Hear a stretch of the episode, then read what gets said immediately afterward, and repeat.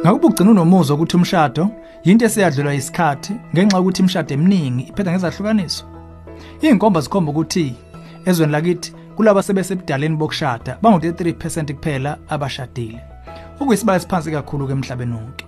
Sicabanga kuningi okumele ukuba kushiwo ngomshado futhi sizoletha lowo mqondo khona la ohlelweni ezomndeni. Ngakho sicela uhlale nathi.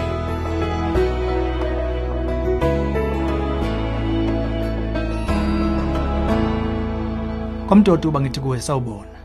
Ezomndeni uhlelo lethe zeluleko eziphatheka ngabaka focus on the family.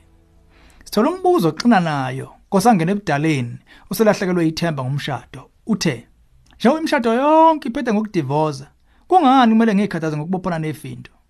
Kunzima ukuphika isiphetho sokuthi isakhiwo somshado sesiphumile kubusona kulezi insuku. Asasho lutho nje. Kukhona engangitshela khona ukuguqula umqondo wami. Okokuqala sithanda ukwazi ukuthi asivumelani sandla nomcabango wakho ngomshado. Kahle hle, sibuka umshado njengesinye sezipho ezinkulu zikaNkuluNkulu futhi sibeka ubumqobo obungcwele obukhulu emshadweni. Ngaphezulu kobudlane bomuntu noNkulunkulu, sikholwa ukuthi kulomhlaba akukho okwedlula ubukhulu bobudlelwane bendoda nenkosikazi. Lo budlelwane busemqoka ekuqhubeni uluntu emhlabeni kanjalo nencazo yobudlelwane benkonzo yekamero yoluntu njengoba iBhayibheli lithi. Kepha kusukela eqaleni kokudala uNkulunkulu wabenza wesilisa nowesifazana ngenxa yalokho umuntu uyakushiyisa nonina anamathele kumkakhe.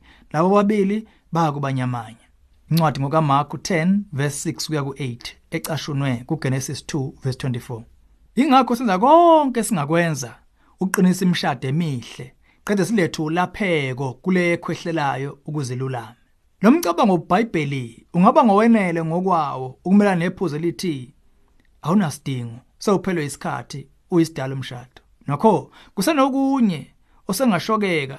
Kwiphuzo eliphatheka lombuzo ucene lwethembekile luveza ukuthi abantu abashadile banempilo bathokozile baphila insuku ezithe xaxa bathozela ukuphila ngokwengqondo bazizwa bephelele bamfilibe ukuthola kanzima ngokuhlukumezeka komzimba kunalabo abangashadile. Ukwengeza kulokhu istudy sakhishwa i-psychological reports siveza ukuthi abantu abashadile kuyethukela bezwe benesithukuthezi. Lokho kuliphuzu eliqhakile uma siliqaphela ngokombhali uma ithi isithukuthezi asilona igama elifana nelithi ukuba wedwa isizungu kumbe ukuzizwa usecelweni wedwa. Kodwa kunalokho uthi lo mbhalo liqonde kutheni ungabikho kobudlelwane obunelisayo ngokuphikisanayo sekukhonjisiwe ukuthi ababili abaphila ndawonye bengashadile ngokusemthethweni babhekana nezinga eliphezulu lonqubuzane siyaluyalu ebudlalweni babo. Ekubukweni kwamastati kwangaphezulu kwa-130 akhishwayo ayekala ukuthi ukuba ngoshadile kuyithinta kanjani impilo yakho siqu jikelele.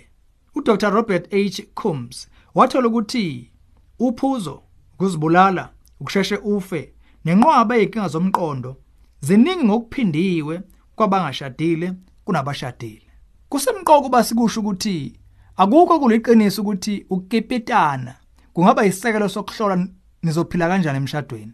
Kunalokho ukukipitana kunyusa amazinga okuba ngokuhamba kwesikhathi nidivosane mase nishadile.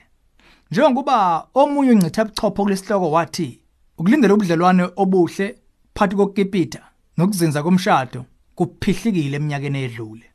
Ngokwamastadi enziwe amazwe ambalwa asentshonalanga kubandakanya iCanada, Sweden, New Zealand neUnited States.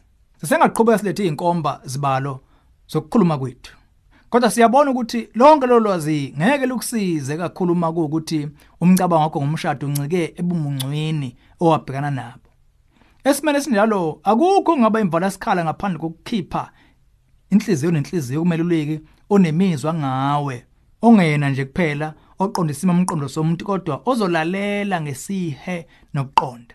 Uma uthanda ukuxoxa ngemizwa yakho ngesemvo lomndeni wakho singamela ukuba ufonele umnyango wezokweluleka a focus on the family. La khona ungakhuluma nomeluleki okufundele kumbe ungaxhumanisa noseduze nawe ongoti naye kulomkhakha inombolo yethu ithi 031 716 3300 kumbe ungena ku safamily.co.za bese cofa ku counseling link.